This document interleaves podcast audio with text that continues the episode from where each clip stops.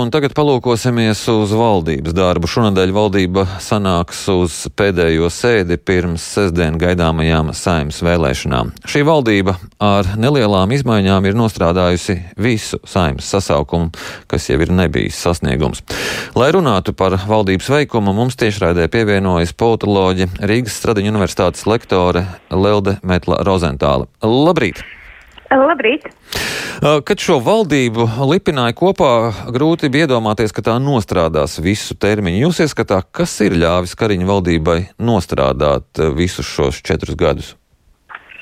Nu, tas viens no iemesliem varētu būt tieši šī kopumā sarežģītā situācija, kurā uh, mēs pēdējos četrus gadus esam bijuši. Uh, sākot ar, uh, ja mēs atceramies jau pavisam sen, banku sistēmas reorganizāciju, tad mums sekoja administratīva teritoriālās reformas noslēguma izaicinājumi, tad mums uzreiz faktiski sekoja Covid gadi, un tagad mums seko karš Ukrainā un ekonomiskā līdz ar to visa recesija Un, protams, arī nu, dažādi izaicinājumi pašā valdībā, tas ir ministru nomaiņas.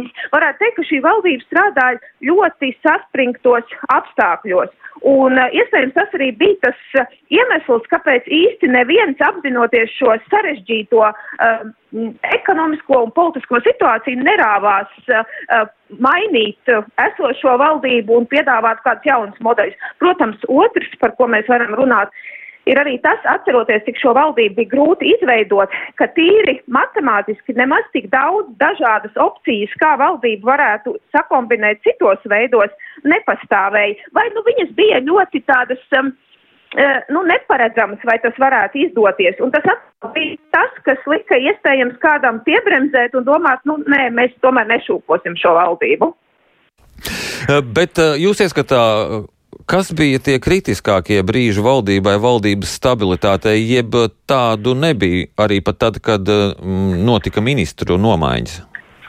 Nu, es domāju, ka, protams, mēs redzējām, ka viss kritiskākais laiks bija to tieši Covid periods, nu, kā mēs to saucam, jo tur tomēr notika ļoti izteikti šī sabiedrības sadalīšanās vienos, kas atbalstīja valdības lēmumus un saimnes lēmumus, un otros sabiedrības grupā, kas atkal nostājās absolūti pret šiem lēmumiem un, un, un teiksim, nu, tā kā uzskatīja, ka viss tiek darīts nepareizi.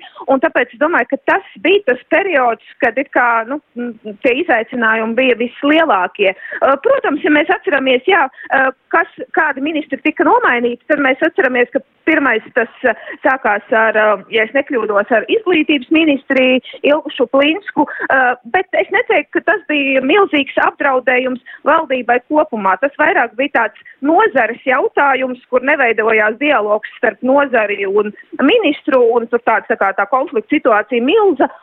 Un līdz ar to ministru vajadzēja nu, nomainīt, nācās nomainīt.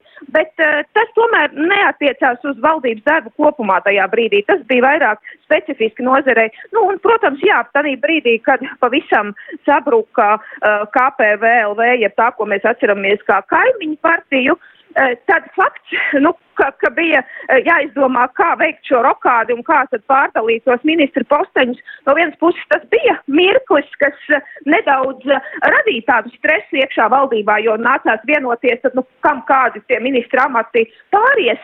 Uh, bet uh, mēs redzējām, ka arī tur tomēr izdevās diezgan tā kā proporcionāli, matemātiski un uh, diezgan filiktāni šo situāciju atrisināt. Jāsaka, ka varbūt tas bija brīdis, kā PVLV tā sašūp likvidācija vai nu, pašlikvidācija, varētu teikt, un ministru pārdali, tas bija brīdis, jo nu, tā vienmēr, kad uh, iet, ir stāsts par amatu pārdali, tad tas ir tāds izaicinājums, kur pārējie visi valdības partneri nu, cenšas sev iegūt maksimāli lielāku labumu.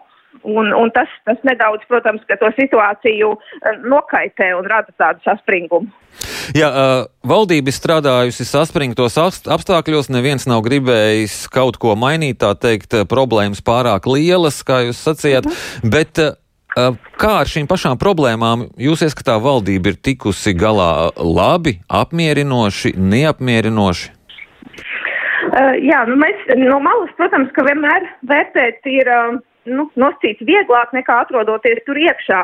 Un apzinoties to ļoti sarežģīti, jo, ja mēs runājam, teiksim, par administratīvu teritoriālo reformu vai par banku reformu, tad vai par pēdējo etapu streiku, tikko izglītības darbinieku, nu, tā kā potenciāli un, un to šo te streiku novēršanu, tad tās ir tādas ierastas situācijas, kurās tiešām mēs varam vērtēt, nu, tā, salīdzinot ar, ar citām jau mm, līdzīgām piedzīvotām situācijām, kā kurš no politiķiem tiek galā. Uh, un uh, tur, teiksim, uh, mēs varam būt kritiskāki savos vērtējumos un teikt, ka iespējams tiešām par pedagogiem vajadzēja domāt ātrāk un nevis no, novest šo situāciju līdz tādam, nu, zināmam, tā kā šantāžas mirklim, kur tev vairs nav izējis un tad tu esi spiests domāt un rīkoties un piekāpties.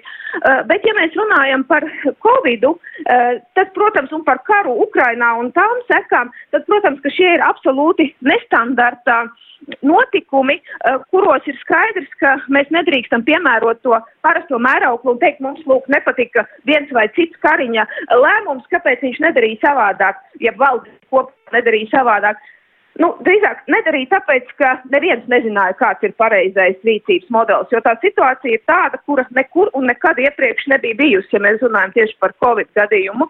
Un tāpēc, protams, šobrīd, ja mums kaut kāda līdzīga pandēmija nedod Dievs kādreiz vēl pietuvosies, eh, tad mēs jau varam skatīties daudz reālāk uz to situāciju un tiešām saprast, ko vajag darīt un ko nevajag darīt. Un tāpēc es domāju, ka tas saspringtais. Um, Uh, nu, klimats, kāds valdīja, kāds, kāds bija sabiedrībā, kāds bija iedzīvotājos, gan uh, emocionāli, gan arī ekonomiski, tas, protams, nu, radīja ļoti lielu spriedzi arī valdībā. Un bija jādomā gan par racionāliem lēmumiem, gan par to, kā emocionāli nomierināt cilvēkus. Un tas, protams, bija izaicinoši, nevienmēr lēmumi bija pareizi, bet viņi, nu, kā tagad daudz ministri ir atzinuši, nu, viņi tanī brīdī, nu, kā, kā, kā pēc labākās sirdsapziņas, kā varēja pieņemt un kā saprata, tā arī rīkojās. Jā, un vēl sarunas nobeigumā īsumā, kā jūs vērtējat šobrīd valdības darbu pirms pašām vēlēšanām, cik adekvāti strādā un cik populisms parādās?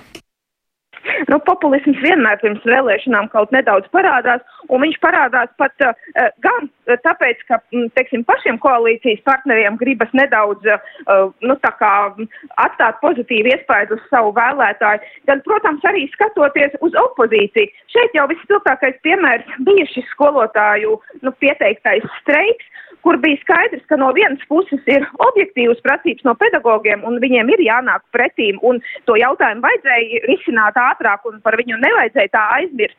Bet no otras puses skaidrs, ka, teiksim, beigās tik tā, nu, tāda absolūtā uh, piekāpšanās visām prasībām jau bija saistīta arī ar mhm. to, ka ir opozīcijas partijas vai partijas, kas pretendē vispār uz nokļūšanu, teiksim, valsts pārvaldē tās, ko mēs saucam par populistiskajām partijām, un lai nedotu viņām ieročus rokā vēl mhm. vairāk un nu, nedotu tos Jā. argumentus, ko teikt, re, nedaram to vai nedaram to, mhm. kāpēc jūs nemīlat skolotājs, tad vienkārši nu, tas, tas nākas būt brīžam Jā. vairāk populistiskiem nekā varbūt vajadzētu Jā. arī pašiem. Jā, liels paldies par šo sarunu. Atgādinu, ka mēs sazinājāmies ar politoloģi Rīgas Stradiņu universitātes lektoru Leldu Metlu Rozentālu un runājām par valdības darbu.